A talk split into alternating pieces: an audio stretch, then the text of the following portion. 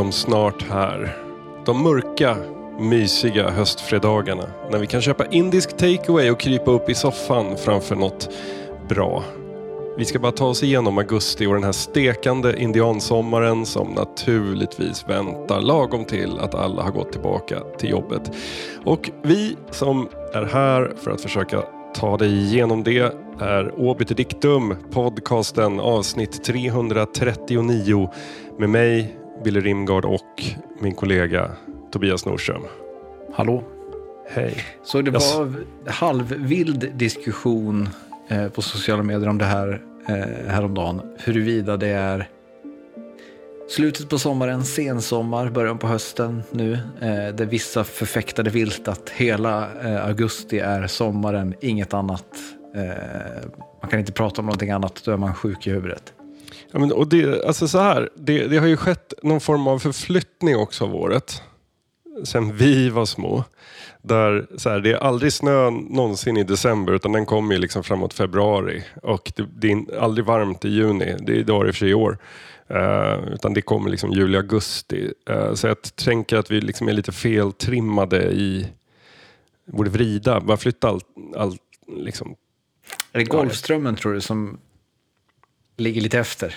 Ja, kanske det. Sladda lite på... Sladda lite. Hur det är lite uppföljning på förra, veck eller förra, förra veckans eh, avsnitt. Jag lanserade ju den här eh, dåligt underbyggda is-teorin.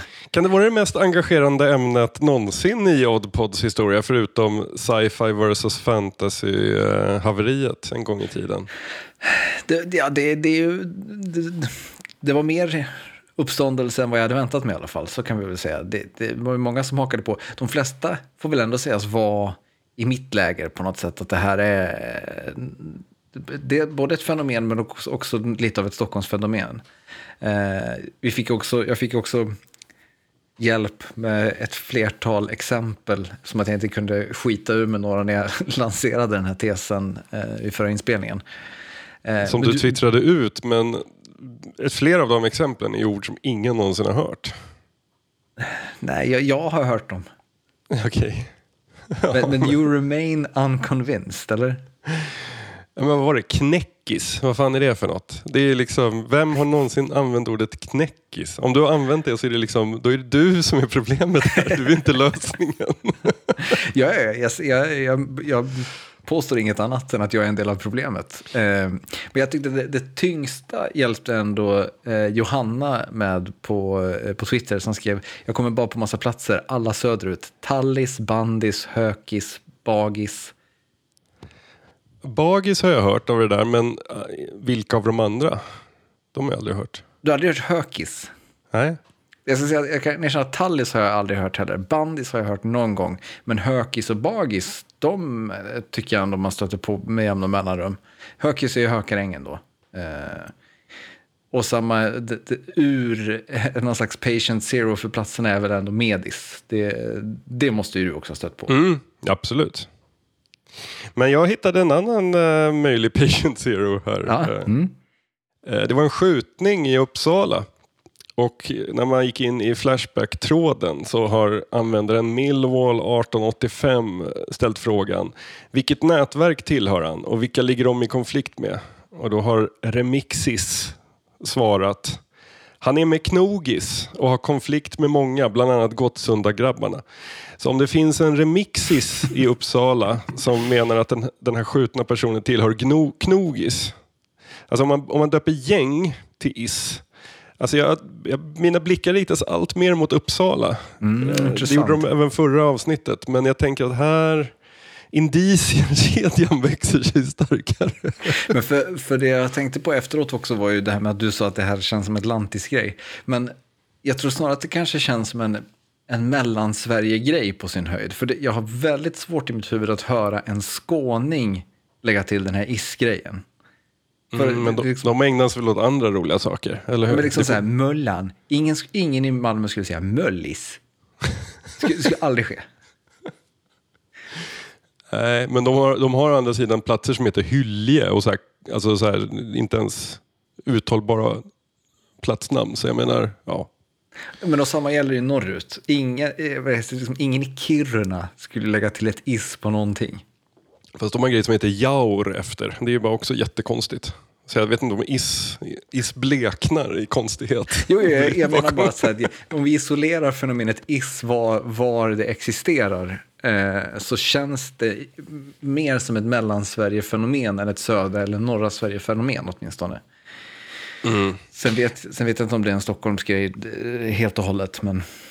Men däremot, alltså, alltså, jag delar ju principiellt håller jag såklart med. Det, det, det, det, det ligger ju en aura av styrkekram och rosa hjärtan-emoji runt allt man sätter ett is bakom på ett väldigt ohärligt sätt.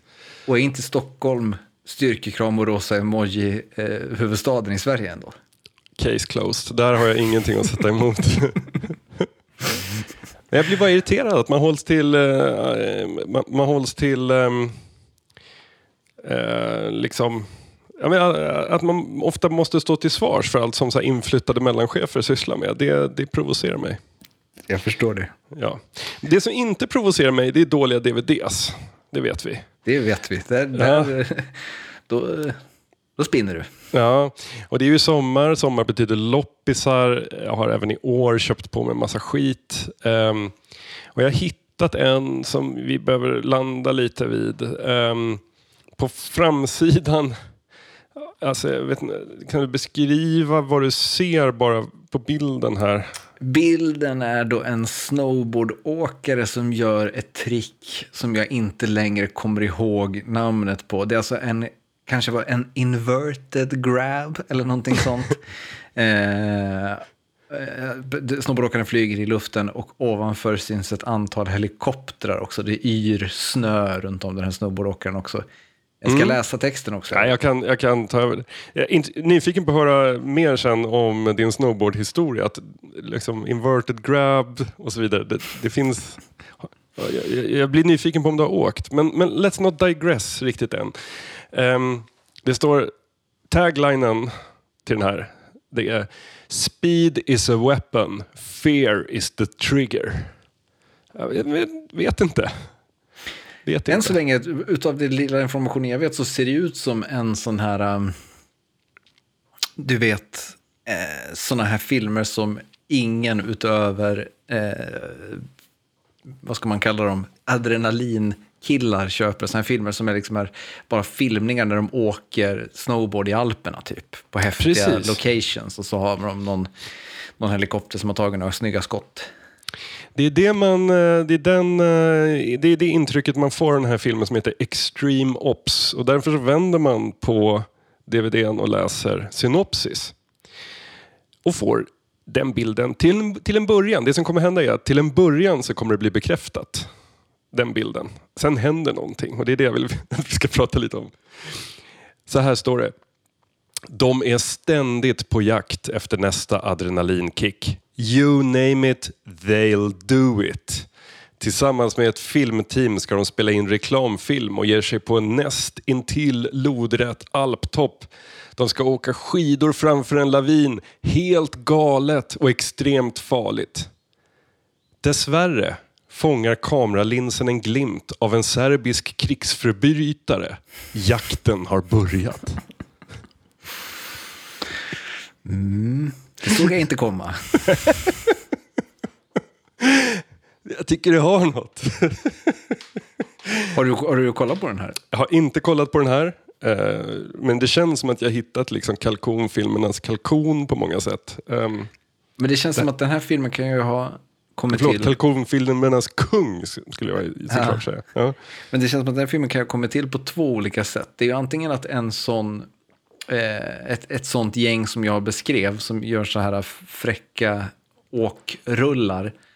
Eh, liksom samlings-DVD när de tar coola eh, nedfarter och sånt där. Eh, kör lite puder off, off pist. Eh, antingen ett, ett sånt gäng som har kommit på typ att säga om vi bara smackar på en actionhandling på det här så kan vi liksom eh, nå ännu fler.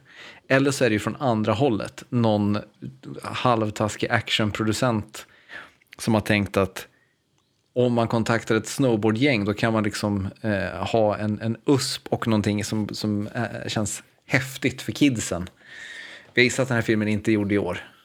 Den är absolut inte gjord i år. Eh, har, vi någon, eh, har vi något årtal på den här? Inte eh, utskrivet faktiskt. Sen är det så pinsamt för att... Jag ska öppna, öppna och se om det står något årtal på skivan. Nej, det gör det inte. Sen är det så pinsamt för att det står, jag tänkte ninja-googla för att se, eh, det är inte så att de skyltar med skådespelarna här direkt. Men det står att det innehåller extra material med cast biographies. Um, och så är det så här att uh, i ljust, ljust grå mot vit bakgrund så är det ju hela castlistan på framsidan, sån film, klassisk filmaffisch-grej. Men det, mina gamla ögon klarar inte av att läsa det. Det är väldigt oläsbart kan jag säga. Jag tror, om namnen är oläsbara så tror jag inte att du kommer skönja något, något namn du känner igen där heller riktigt. Ja, jag tänkte att man kunde ninja-googlat för att få din bild bekräftad, men vi kanske inte ens behöver få... Alltså så här, jag skulle säga att det är 99 procent. Men vad heter filmen sa du? Extreme Ops. Kan det vara så att Extreme bara stavas med X? Nej, de har gjort Xet som någon slags kikarsikte-grej, men det är ett ord, Extreme Ops. Jag har plockat fram IMDB-sidan här nu. Det här ser ändå ut som en, en riktig film. Eh, I huvudrollen så spelar Rufus Sewell Ian. Och Rufus Sewell är ju inte ett namn man känner igen på rak arm. Men jag lovar att om du ser hans ansikte så kommer du känna igen honom. Mm. Eh, ja, titta på den här du och återrapportera. 2002 är den från. Ja, guldåldern för riktigt dålig DVD. Ja, 4,4 på IMDB.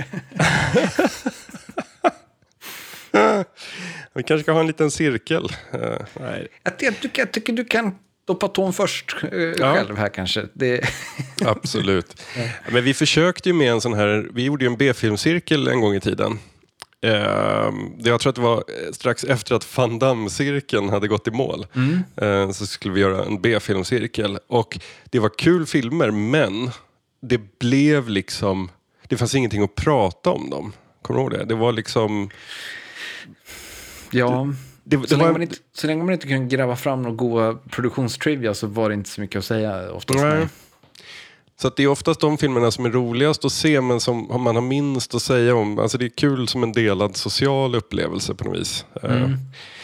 Kanske det ska göra med min DVD-samling, att jag börjar piratstreama på Twitch. Så kan man liksom ha det som en kommunal experience i chatten att uppleva dessa Ja. Men någon slags mystery science theater-grej. Typ. Just det. Men, men för det, det har jag tänkt att länge var, skulle vara liksom en att det finns någonting där, eh, en, en podcast som är just kommentarspår fast inspelade då av liksom goa, mm, härliga nördar som man gillar att lyssna på snarare än... Alltså oftast så liksom släpper ju folk man lyssnar på sig poddar om en tv-serie eller en, en, en, film eller någonting som är liksom längre än vad själva filmen eller tv-serien är. Då, då kan jag känna att ibland hade det varit gött. Alltså det finns ju kommentarspår som är jättebra. Vad heter det? till Donnie Darko finns det ett med Kevin Smith och Richard E. Kelly till exempel, som, där de sitter mest bara och snackar skit. Eh, det är ju liksom som en podd fast filmen pågår samtidigt och sen emellanåt så liksom kny, pratar de någonting som knyter an till det som händer i filmen. Liksom. Just det, och så får man, alltså så här, man spelar in det, man säger så här, frys på eh, liksom, första scenen, den här vyn på alptoppen, när den kommer, frys filmen där. Och, och så startar du podden nu. Och så mm. får man synka själv. Lite som när man synkade Pink Floyds Dark Side of the Moon till uh, Trollkarlen från Oz och fick ett nytt soundtrack. Det finns något där. Ja, vi får uh, fundera på hur vi tar det till nästa nivå. ja. eh, jag vet inte om du har märkt det, men den här podden har varit utsatt under en, en längre tid för olika phishing-försök. Är det någonting du har sett? Nej, nej. På mail eller? Ja, precis. Det har kommit en, en, uppsjö mejl det senaste året. Eller en uppsjö, men lite då och då eh, dimper det ner har jag noterat. Jag har bara sett folk som vill, vill att man ska anlita dem för att jobba bättre med vår SEO. Och man bara, if you only knew. Ja. Ja, men det, de, hade, de är alltid utformade på liknande sätt. Det är att vi inte har betalt räkningen till vårt webbhotell. Eh, mm. Inte en otänkbart mejl. Inte ett otänkbart mejl. Det har Nej. hänt ett par gånger i vår historia. Och det är även så att jag har ju visst kontrollbehov. Och i och med att det inte är jag som betalar räkningen till vårt eh, webbhotell så blir jag ju så här. En gång har jag liksom messat dig och frågat om det här stämmer och du sa att nej, det är lugnt. Eh, men så eh, härom veckan då, eller härom månaden nu, så damp det ner ett nytt sånt här mejl. Och då blev jag liksom så nyfiken, för de är ganska liksom välgjorda de här mejlen. De, de, ser liksom ut som om de skulle kunna komma från vårt webbhotell. De har liksom en, en bra maskerad adress och så vidare. Så jag tänkte, hmm, jag ska undersöka vidare hur det här phishing-försöket går till, hur det ser ut och så vidare. Och då klickade jag mig vidare från det här mejlet på, på en länk och jag skulle gå in för att betala den här eh, försenade räkningen. Och skickades då till en sida som ser ut precis som en inloggningssida för vårt webbhotell. Eh, men då noterade jag någonting eh, märkligt. Och det var att webbadressen inte eh, gick till en domän som hörde till vårt webbhotell, utan den gick till en domän som heter antok.org. Mm. då, då, kan man ju då, om man är liten lit hacker som jag, bara ta bort det som står efter antok.org och kika, var hamnar man då? Det är alltså anthoc.org. Och då hamnar man på en mystisk sida eh, på spanska, eh, vilket också direkt innebär att jag inte förstår någonting. Eh, men lite, med lite mer hackerkunskaper då så kan man väl få den här sidan översatt. Och då är det här då en sida för uh, The National Association of Hospital Workers of Colombia. Mm -hmm. uh, så det är alltså, eller, eller då Asociación Nacional de Trabajadores Hospitalatores de Colombia. uh, så det är helt enkelt någon slags facklig organisation för människor som jobbar med sjukvård i Colombia helt enkelt. Mm då är man ju, blir man ju direkt nyfiken. Och det här har jag inte grävt med, men man blir nyfiken på vem på den här fackliga organisationen är det som sitter och, och vad heter, utför phishing, phishingförsök på svenska podcasts. Alltså så här, antingen är det någon som har ett side hustle och liksom nyttjar den här domänen som hen eh, administrerar till de här grejerna. Eller så är det här den huvudsakliga fackliga inkomsten. Att liksom hela hela kampen för rättigheter eh, bland sjukvårdspersonal i Colombia, den är möjlig tack vare svenska podcasters som får panik över att de inte har betalat sin, sin räkning. Och då... ja, för de är ändå bara ambitiösa. Om man liksom kollar koden för sidan så har de ju sparat ner allting från webbhotellet. Alltså bilder till exempel och sånt, loggor och annat, är mm. ju hänvisar till bilder som ligger på den här Antok-servern så att säga. Den ligger inte, de har liksom inte bara gjort en en, en kod som pekar mot originalsidan helt enkelt. Mm. Uh, så det, det, finns ju viss ambition här ändå. Uh, det, det, ja, det, kan ju också vara bara att det är någon slags webbmasterperson, alltså någon, någon eh, brorsson eller brorsdotter till någon chef som har fått i uppdrag att vara webbmaster som helt enkelt bara har skapat en annan mapp på sidan.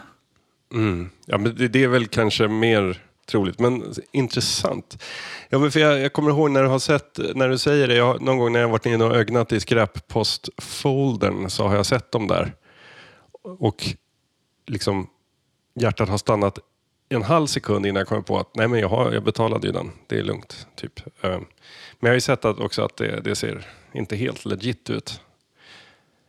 Men det pågår, det, det, jag vet liksom inte alltså så här, all den här skiten som pågår eh, med phishing och, och, spam och liksom så. Mycket av det har ju blivit osynligt numera eftersom filtren är ganska starka. Um, men på något sätt, det är lite som att jag gillar städer där det fortfarande finns graffiti. För det tyder på jag kan ju bli glad av, av det här för att det tyder på att allt inte är en galleria. Det är liksom, internet är inte riktigt Mall of Scandinavia än. Det, det, det är nästan där, men det är, det är inte där. Men är inte idag också graffiti liksom en del av bara någon slags lib liberal kapitalism? Alltså är, inte, är vi snarare inte där så här... Alltså jag, jag tänker att när jag tänker på graffiti så tänker jag typ på så här Berlin och Portland. Jag tänker inte på städer där det har gått åt helvete. Nej, men alltså så här, det är ju städer som lever. Uh, alltså städer där det, liksom, där det finns en själ har ofta graffiti. Och därför så blir jag så himla glad de gånger man står på eh, står, står och väntar på tunnelbanan och så rullar det in liksom ett bombat tåg. Det är inte så ofta det gör det, men det sker ju ibland eh, fortfarande. Och jag tycker det är eh, det är en signal om eh, livskraft, tycker jag. Jo, det, det kan jag hålla med om. Och- det är väl framförallt också att det är något annat än liksom så här, all jävla reklam som, som är överallt. Ja, Det är så, jag, jag vet inte om jag nämnde det i podden, men jag såg ju om Minority Report i somras, tidigare i somras. Ehm, och en sak som slog mig då är, det där finns det några scener när Tom Cruise springer runt i den här framtida staden, framtida Washington DC och det är liksom riktad reklam och grejer överallt. Och, och jag, det, det kändes ju snarlikt mot hur det är att kliva in i ett, ett mål idag med liksom rör, skärmar med rörlig bild och annat. Eh, det, det, ja, jag vet inte, det är inte kul. Det har varit lite panik i rymden sista veckan här. Det har Eller varit kanske lite panik i rymden. Ja, okej. ja, eller kanske... Det, själva paniken kanske skedde på jorden, men... eh, Voyager 1 känner ju de flesta till. Eh, det var ju farkosten som skickades ut för att sända tillbaka eh, signaler till jorden från yttersta delarna av vårt solsystem och som dess har fortsatt ut, ut i det stora okända. Eh, Det här är väl slutet av 70-talet, va? den skjuts upp 78, 79 någonstans där. Eh, Lite mindre känd är eh, dess lilla syskon Voyager 2 som sköts upp strax därefter med samma, typ samma uppdrag fast lite andra grejer den skulle kolla på. Men, och det, den har fortsatt göra sitt jobb eh, och försett oss med jättemycket grejer ända till förra veckan när någon i Mission Control eh, råkade rikta ante- dess antenn åt fel håll, alltså rakt ut i det stora intet istället för mot jorden. Och när det kommandot väl var gett så kan man ju inte rikta tillbaka den för den kan ju inte ta emot våra signaler. Men hur riktade de den i första hand om, man om den inte kan ta emot? Ja, nej, såklart. Den kan ta emot när antennen är riktad hitåt. Så att säga. Ja, Mm, och sen råkade man skicka ett kommando som var snurra antennen 180 grader. Och sen så dog den bara för att, ja, då fick den inga, då kunde den varken prata med eller ta emot eh, signaler från oss. Eh, så att man hade, man, tydligen så då så har man anlitat några av de här riktigt feta radioteleskopen som bara lagt en bombmatta av eh, signalen rikta tillbaka antennen liksom, i, i, i, i dess allmänna riktning där den är. Bara för att, med förhoppningen då att den snappar upp det här kommandot från någon av de här. Um, man fick ett livstecken i form av ett litet ping, eh, så här att jag lever. Eh, så att det, själva farkosten fortsätter ju gör sin grej. Det är bara det att det är lite fel, lite dumt om man inte får den datan ehm, som, som man eh, är ute efter. Men däremot, Eh, det här heartbeat-signalen som den, den fick nu, ehm, eh, det, det har ju såklart eh, boostat folks ehm, ja, hopp om att man ska kunna eh, vrida tillbaka de här. Men eh, det är fortfarande så att den, eh, eh den, den, den svarar inte på några nya kommandon än.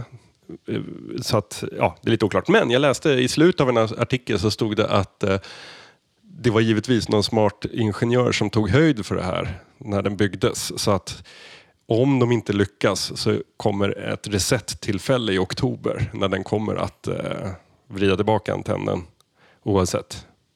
Eh, så att den är inte förlorad, inte förlorad för gott men eh, jobbigt jobbig dag på jobbet när man råkar liksom skicka fel kommando. Det känns ju som, det finns ju något spännande där när den ritar tillbaka antennen och ska berätta vad den har hört när den har lyssnat åt det andra hållet. Så säga. Just det, oh my god, det här är ju en, eh, en filmplott. De kanske fångade en serbisk krigsförbrytare på jakten kan börja. Ja. Eh, du ska få välja här. Mhm. För, I förra avsnittet så, så sjöng jag Apple TV Plus. Eller säger man Apple Plus bara kanske? Apple Streaming känns lov och sa att de har gjort mycket bra grejer. De vann streamingkriget. Eh, Och i kölvattnet på det så bestämde jag mig för att det här vill jag se om jag har fog för att säga. Så jag har kollat på lite fler Apple TV-serier. Eh, framförallt, jag har nu med två stycken. Eh, och jag har identifierat två dramaturgiska eh, problem, eh, ett i vardera serie. Och du ska få välja ett av de här problemen. Och så sparar vi det andra till en annan gång. Eh, Ja. Mest för att jag tänker att det kommer bli tjatigt om vi ska diskutera två dramaturgiska problem eh, i, i samma podd. Och det ena då, det är till flygkapningsserien, har man på titeln Hijack. Mm. Och det andra är till, eh, vad ska man kalla den, true crime-thrillern eller vad man ska kalla det, Blackbird. Mhm. Ja, men flygkapningar, eh, det, det, det, det är alltid klädsamt. Mm. Det tar vi. Man har inte sett så mycket flygkapningar. Det känns som att alltså, flygkapningsskildringar, eller som man säger, flygthrillers överlag har ju haft det tufft efter 9-11, känns det som. Väldigt tufft. Väldigt tufft. Eh, Man kan säga att finns- de manusförfattarna som satt och skrev på sin nästa flygthriller, de, de fick tänka om.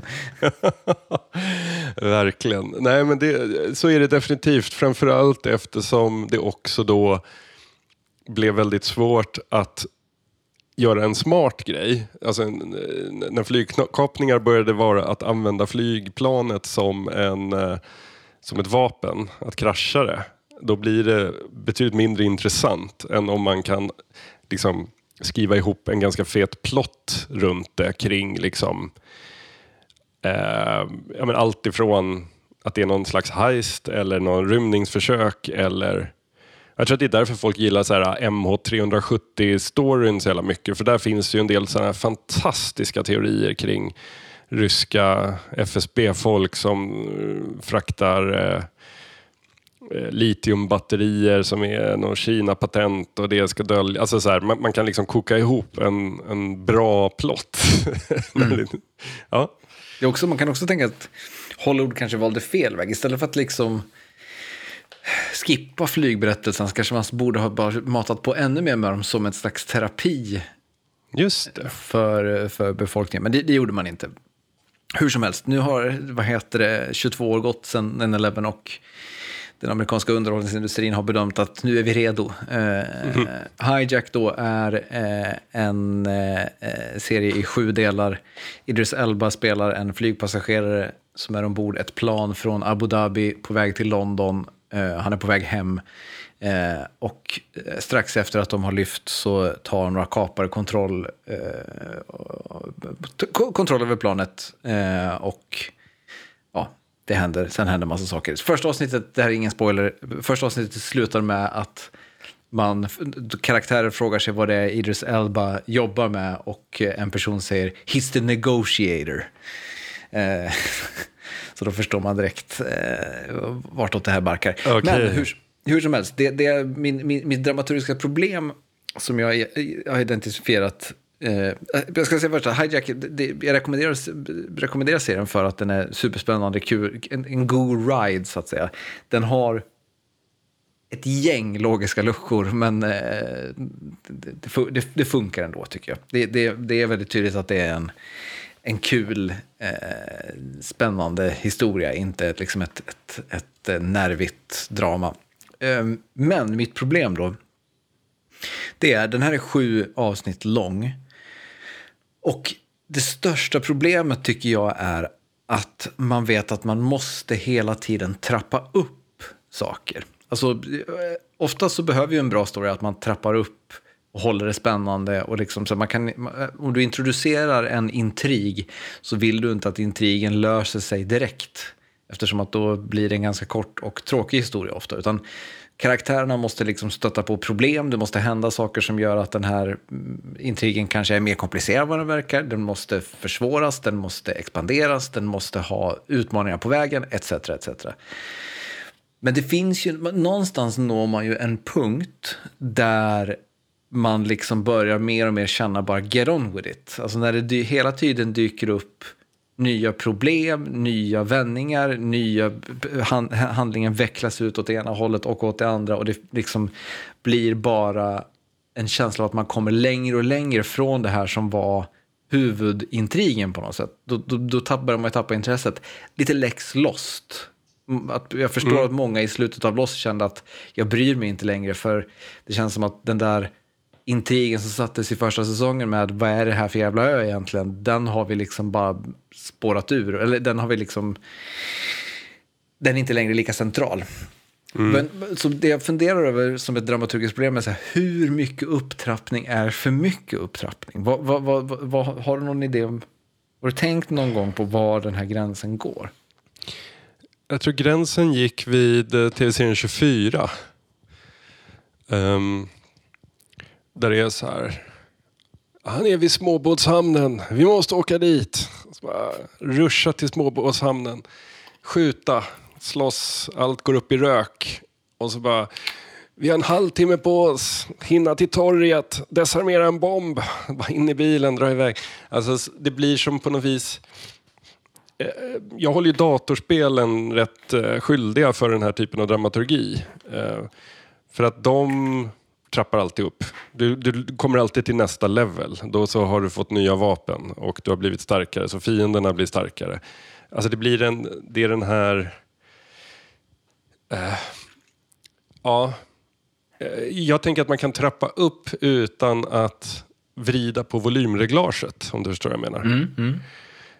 Jag tänker ja. på filmer som... Um, finns en gammal rulle som heter Dinner Rush som utspelar sig på, alltså gammal, från typ 2000. Eh, utspelar sig på en liten italiensk restaurang i New York. Och på den här restaurangen så är det liksom denna kväll till middagssittningen så är det ett antal intriger som, som ska spelas ut, så att säga. Eh, som ska, eh, det, är, det är gangsters, det är poliser, det är...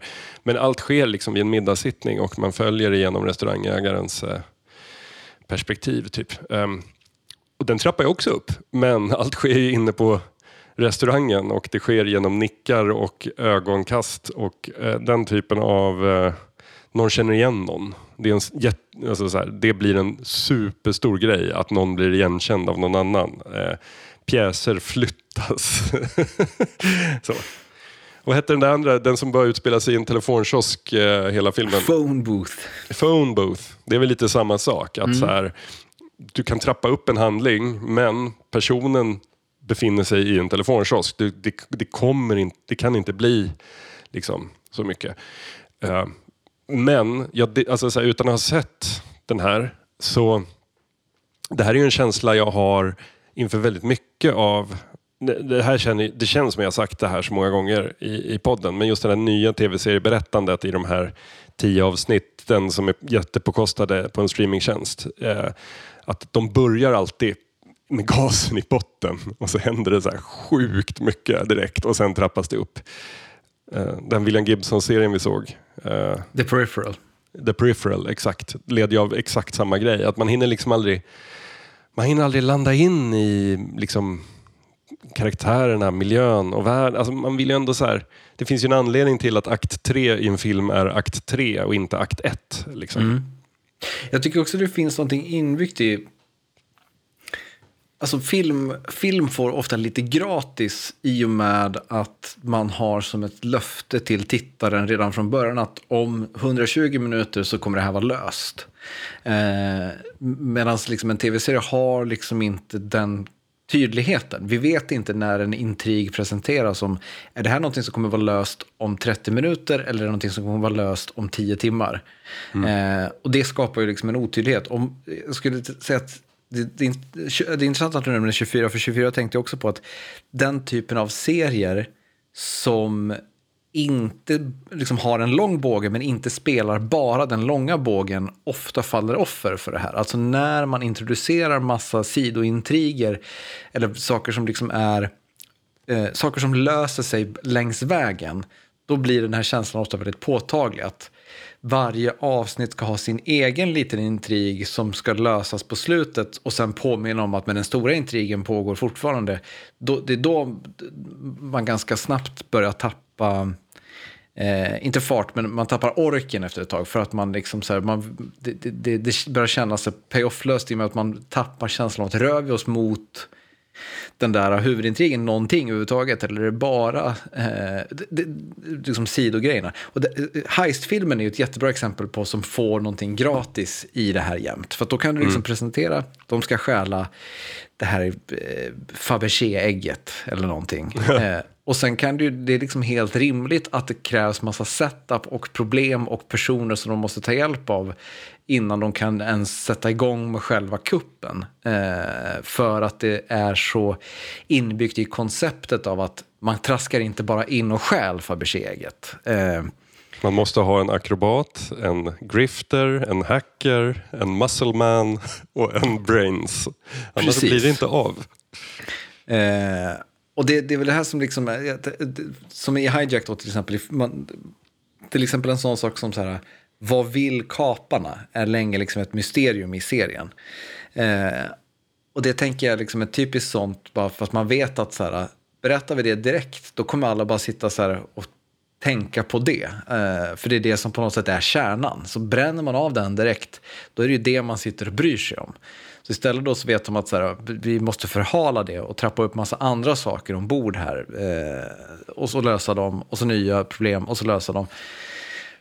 Men är, det, liksom... är, de, är de grejerna som trappas upp, är det av arten att typ en flygmekaniker sitter och svettas för han vet att ena motorn kommer sluta funka. Alltså är det massa saker som inte är relaterade till själva kapningsplotten också? Massa, ja. ja, alltså så här, det, det är på, på, olika sätt är det kopplat till kapningsplotten. Men det är liksom så saker som att så här, när de flyger över eh, Irak så måste de liksom så här, kalla in piloten i cockpit igen.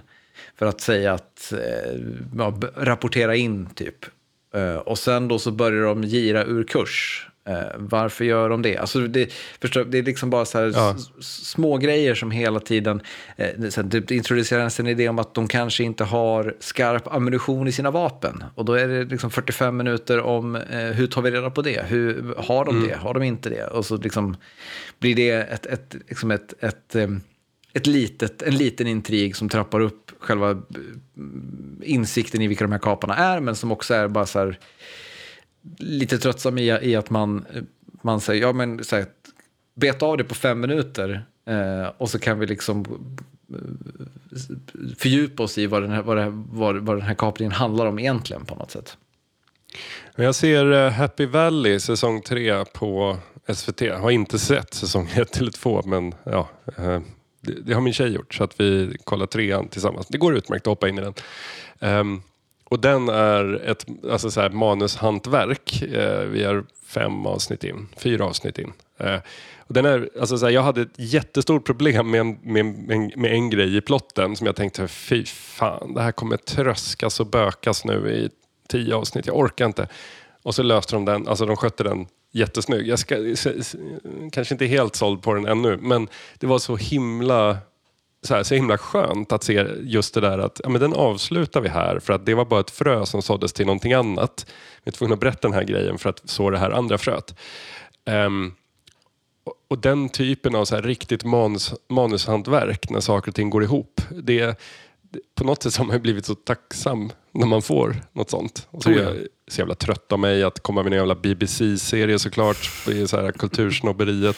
Liksom Men det är lugnt, du, du har ju haft Extreme Ops förut idag så du just får unna dig en BBC-serie. Just det, just det. Det är så, man, man måste balansera. Så att man um, Men det, ja, jag fattar verkligen vad du menar. Men kommer man undan det då, när man är i eh, liksom, streamingkriget och du har folks uppfatt, liksom, eh, folks tålamod och fokus är ungefär lika långt som en TikTok-video. Um, hur kan man skriva en serie på något annat sätt än att bara damma på med liksom hits på hits på hits. Alltså, det, det är lite, jag tänker att det är så här, de här serierna, visst man kan klä ut dem i massa olika skruder. Det kan vara sci-fi och det kan vara eh, lite allt möjligt. Men eh, sättet de beter sig på, det är som en DJ som bara står och spelar topp 10 hits och folk bara går bananas. Jo, så, så är det ju. Och det är ju liksom ett inbyggt problem i just upplägget med när det finns ett tydligt mål, det är dit vi ska. Alltså det finns ju liksom ett annat sätt att skriva eh, en, en spännande serie som är mer så här otydligt, vad är det här på väg? Eh, men i, i, en sån här kapningsberättelse så blir det ju eh, liksom om man väljer att presentera spelplanen så tydligt och så snabbt som man gör här. Vi har ett plan, det är på väg, eh, det lyfter härifrån, det är på väg dit. De här figurerna kapar planet. Det är liksom saker som sker första kvarten, eh, 20 minuterna av serien då, då är det liksom, då har, som manusskrivare så, skapar, så inser man ju snabbt att så här, okej, okay, vi, behöver, vi behöver drama och intrig och spänning på vägen dit. Eh, hur, hur gör vi det? Och det ska dessutom vara drama och spänning som eh, ska ha en dramaturgisk båge som går att lösa på en timme. Eh, eftersom att vi då vill, man vill ha de här, liksom fri, inte fristående avsnitten, men man vill ha, ha de här avsnitten som på något sätt har, eh, går i varandra, så att säga. Eller liksom, liksom lö, saker som löser sig, så man kan bygga upp ny, nytt intresse för serien och så vidare. Eh, jag skulle säga att liksom så här, det är ju på ett sätt sättet att göra det enkelt för sig när man skriver en sån story. Den stora utmaningen är ju att ha att istället ha liksom spänningen, kaparna har kapat planet och sen liksom lyckas ha den fiolsträngen spänd i tio timmar Just tills en säsong är slut utan att man behöver liksom skapa massa sidointriger. Det är ju det som är eh, riktig manuskonst skulle, skulle jag säga. Lite ja. nästan i vädret kanske. Men apropå det, vi skulle gå i mål med Silo den här veckan, hade vi pratat om. Yes. Också Apple TV-produktion baserad på Hugh eh, Wool eh, heter den första boken. Eh, jag har en nysning som sitter och gömmer sig i näsan. Så att, jag åkte på en sån här sommarförkylning. Det är, lite... är det här ditt sätt att plantera en kommande eh, grej som kommer hända? Som jag har visat pistolen. jag har stoppat ner den i väskan. Vi får se vad som kan hända framöver. Um, Silo, eh, spontana tankar från dig?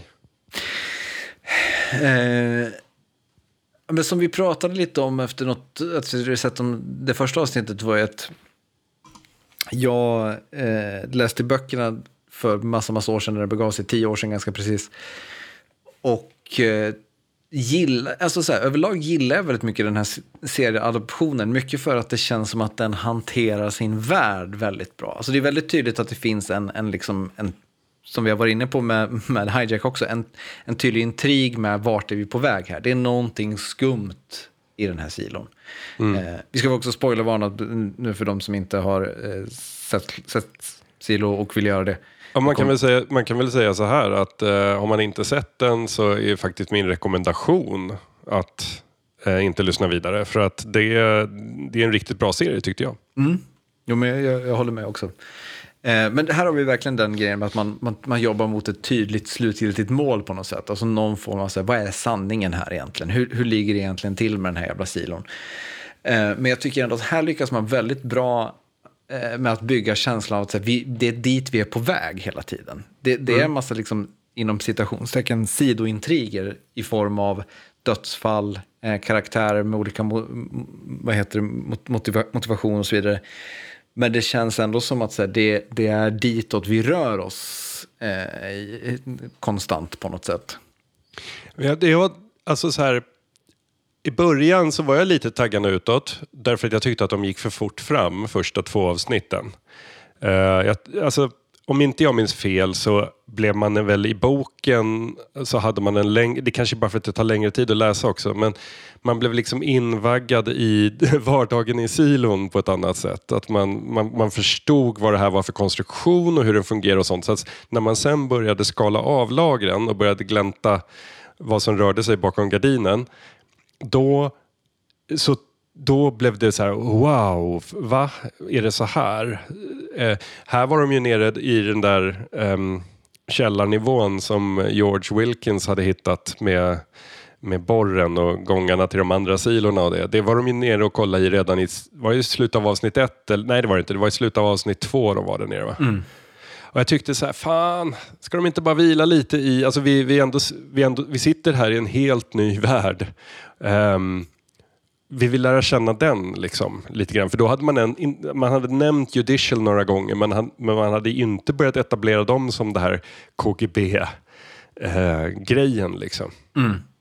Men det är väl lite grann att de i ganska stor utsträckning de första två avsnitten, kanske till viss del de första tre, vill sätta veta massa saker innan de skickar upp Juliette Nichols till, till ytan. Eh, eller till liksom de övre eh, våningarna lite grann. Ja.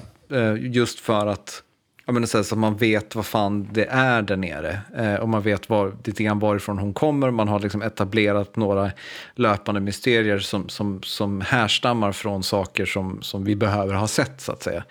Men jag menar, så, första avsnittet tycker jag är ju liksom eh, det är väldigt, de lyckas ändå väldigt bra med att introducera otroligt mycket. För det är liksom ja. dels hela den här silon som ska introduceras. Lite grann så hur den funkar, hur den är uppbyggd. Eh, men även då eh, Holston som liksom någon slags fröet karaktär till hela, den, hela det här händelseförloppet. Eh, hans eh, eh, liksom försök att, att få barn, varför han väljer att gå ut. Alltså, det är jättemycket som de ändå lyckas introducera utan att det känns så mycket det, det, det, är lite information overload, men det är ändå så att man hänger med väldigt tydligt trots att det är jättemycket som, som bara bam, bam, bam, bam, bam, bam, bam kastas på en. Jag gillar det här, liksom hela grejen med reliker från förr och den här pakten som handlar om att man... Eh, ja, men så här, det överordnades... Eh, fasta tro på att enda sättet att få medborgarna att vara lyckliga är att inte låta dem ha information. Eller liksom, eh, jag läser just nu en eh, bok som heter Spion och förrädare som handlar om en eh, som, som heter Oleg Gordievsky som var eh, officer i KGB och, och blev eh, spion för eh, Storbritannien under kalla kriget. Och jag påminns om alltså hur mycket det påminner järnridå, om, om järnridå. Att så här, folk satt hemma och eh, hade liksom tankar om hur det var i väst, det vill säga utanför silon. Eh, och man hade, man, man liksom hade en lockelse i att man, många hade en lockelse i att man ville titta där, men hela officiella narrativet var ju att de som gick utanför, de gick under. Så att man ska absolut inte lämna Sovjetunionen. Eh, och alla former av liksom musik och film och sånt från, från väst får man inte ens inneha. Och det påminner ju väldigt mycket om silo, eh, silo-grejen. Eh. Jo, men det handlar ju så mycket om att upprätthålla den här berättelsen om silon, märker man ju väldigt tydligt. att så här, det, det finns liksom inskrivet i, i allting att här, vi vet inte vad som hände innan. Och då liksom allting som, som eh, hotar motbevisa det, att vi vet vissa saker eh, från vad som hände innan, blir liksom någon, en säkerhetsfara, tänker man. Just för att det är liksom berättelsen om vilka vi i silon är som är liksom viktig för att upprätthålla ordningen. Det, det är ju verkligen totalitär stat eh, grejen, formulär 1A på många sätt. Det finns ju stora kopplingar också till amerikanska konstitutionen i The Pact och just hur, vad som händer när man läser sånt bokstavstroget, hur skevt det blir. Liksom. Ja. ja. Men om vi bortser från eh, liksom, den eh, typen av bildliga eh, symboler och signaler som eh, för all del är intressanta för en kulturanalys. Men om vi bortser bara helt från det det var en jävla bra resa ändå. Alltså jag, tyckte, jag tyckte de hade lyckats göra silon så jävla snygg. Det var precis som jag hade visualiserat den när jag läste böckerna. Med den här runda trappan och de här portersna som springer, meddelanden och sådana saker. Min enda invändning var att den var fin filmad alldeles för mörkt. Jag, tyckte var, jag fick ställa upp tvns brightness jättemycket för att se vad som pågick. Och jag tyckte inte riktigt att man fick känslan av skalan. Alltså så här, i vissa stunder så, så var det så här att ja, det skulle ta borgmästaren tre dagar och gå ner till eh, Mechanical för att träffa Juliet Nichols. Och eh, de kunde slänga ur sig saker. Jag har inte varit under våning 50 sedan eh, på 20 år. Sådana saker. Men däremot när plotten började snabbas upp, ja, då kutar de upp och ner lite hur som helst. Då var det inga två dagar eh, två dagars resa som behövdes, utan det var liksom... Jag går ner dit, okej, okay, hej då. Jo, lite så är det ju. Eh, det, det, var en sak som jag störde mig otroligt mycket på, eh, som jag inte minns om det fanns med i boken överhuvudtaget. Jag har ingen minne av att det fanns med i boken. Och det är ju liksom att så här, de, de, själva liksom grejen är just det här som du är inne på med att trappan är allt. Det är där, om du ska upp och ner, då är det trappan. Vilket innebär att kontrollerar du trappan så kontrollerar du hela silon. Liksom. Mm. Och att de då i näst sista avsnittet slänger in att det finns ett sopnedkast med en steg i. det. det kändes så jävla så här, bara, nu behöver vi att vår eh, huvudperson kan röra sig eh, upp och ner i silon trots att de att Judicial kontrollerar trappan. Då känns det som att man slängde in en grej som, som bara kändes som en, okej, okay, är det här någonting alla känner till? Varför är inte här en större grej? Varför är det inte här någonting som Judicial håller stenhård koll på eftersom att det är den enda andra vägen? Det liksom tar så här, två dagar innan Judicial bara, vänta, hon kanske använder sopnedkastet. Ja, och de, dessutom så var ju ingången till sopnedkastet bara låg lite överallt. Så här. Ja. här är en lucka, här kan man slänga grejer, vad bra. Alltså det verkade vara noll kontroll. Så, ja, det håller jag med om. Det var verkligen lite weird. Det kändes som en sån grej, så typ att manusförfattarna har målat in sitt hörn. På, mm. Och måste säga typ, hur kommer hon... Någon ställer frågan, men hur kommer hon ner dit? Ja... Vad gjorde de i Star Wars? Vänta, kan vi ta, låna något? Ja, som sagt, jag den kanske var med i boken också, men jag, jag minns, jag, så här, jag reagerade på det när jag såg det i serien och tänkte så här, fan det där känns inte som att det var så i boken riktigt.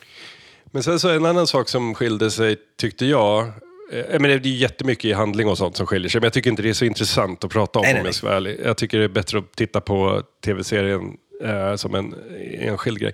Men en sak störde jag mig på. Och det, det här är en, antingen är det min fantasi, i sådana fall så ger jag mig själv rätt. eh, eller så var det så i boken. Men jag har för mig att Judicial var mycket mer av en Alltså Common i skinnjacka, är, han sticker ju ut väldigt mycket i silon. Där alla andra släpar omkring i liksom ris, alltså trasor och ser rätt generiska ut så sticker Judicial ut som någon slags, alltså det är väldigt lyxlirare. Så. Mm.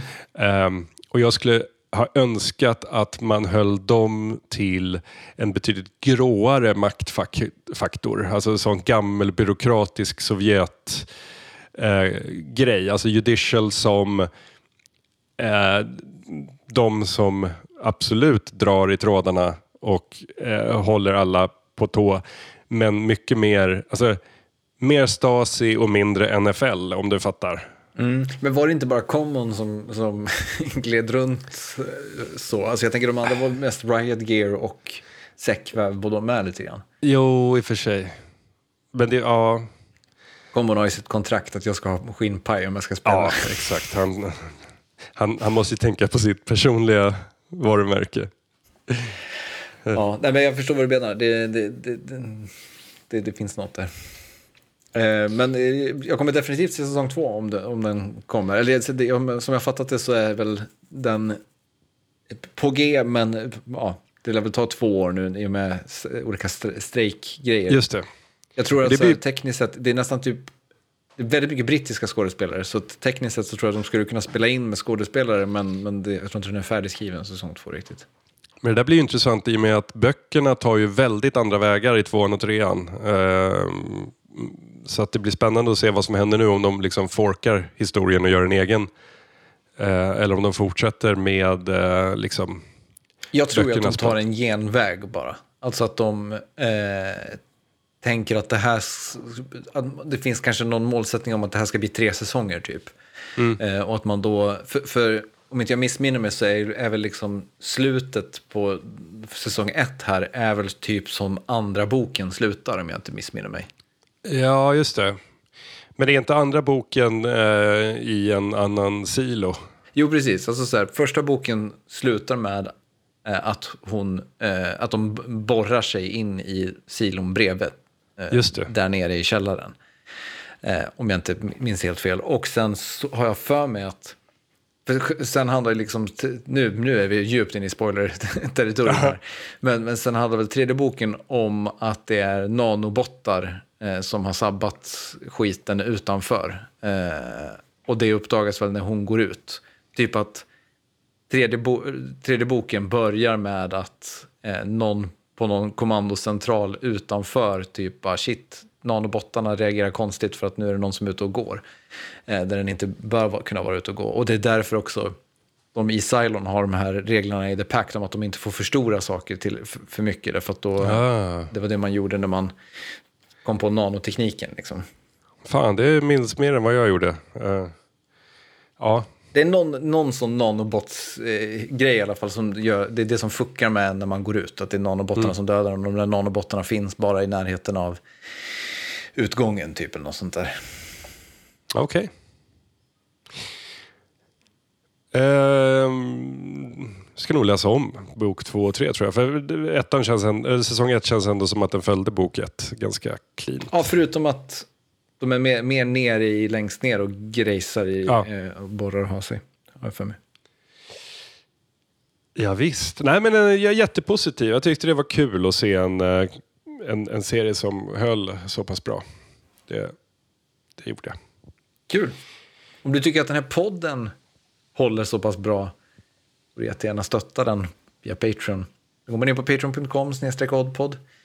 Om du redan är en av de eh, fina människorna som har gjort det så är vi evigt tacksamma. Det är ni som gör att den här podden finns. Eh, så stort tack! Och vi är tillbaka om två veckor när vi får höra allting om Tobias snowboard-bakgrund som jag missade att plocka upp tråden. Men det blir en, eh, det är en cliffhanger till nästa gång. Ha det fint! Hej då!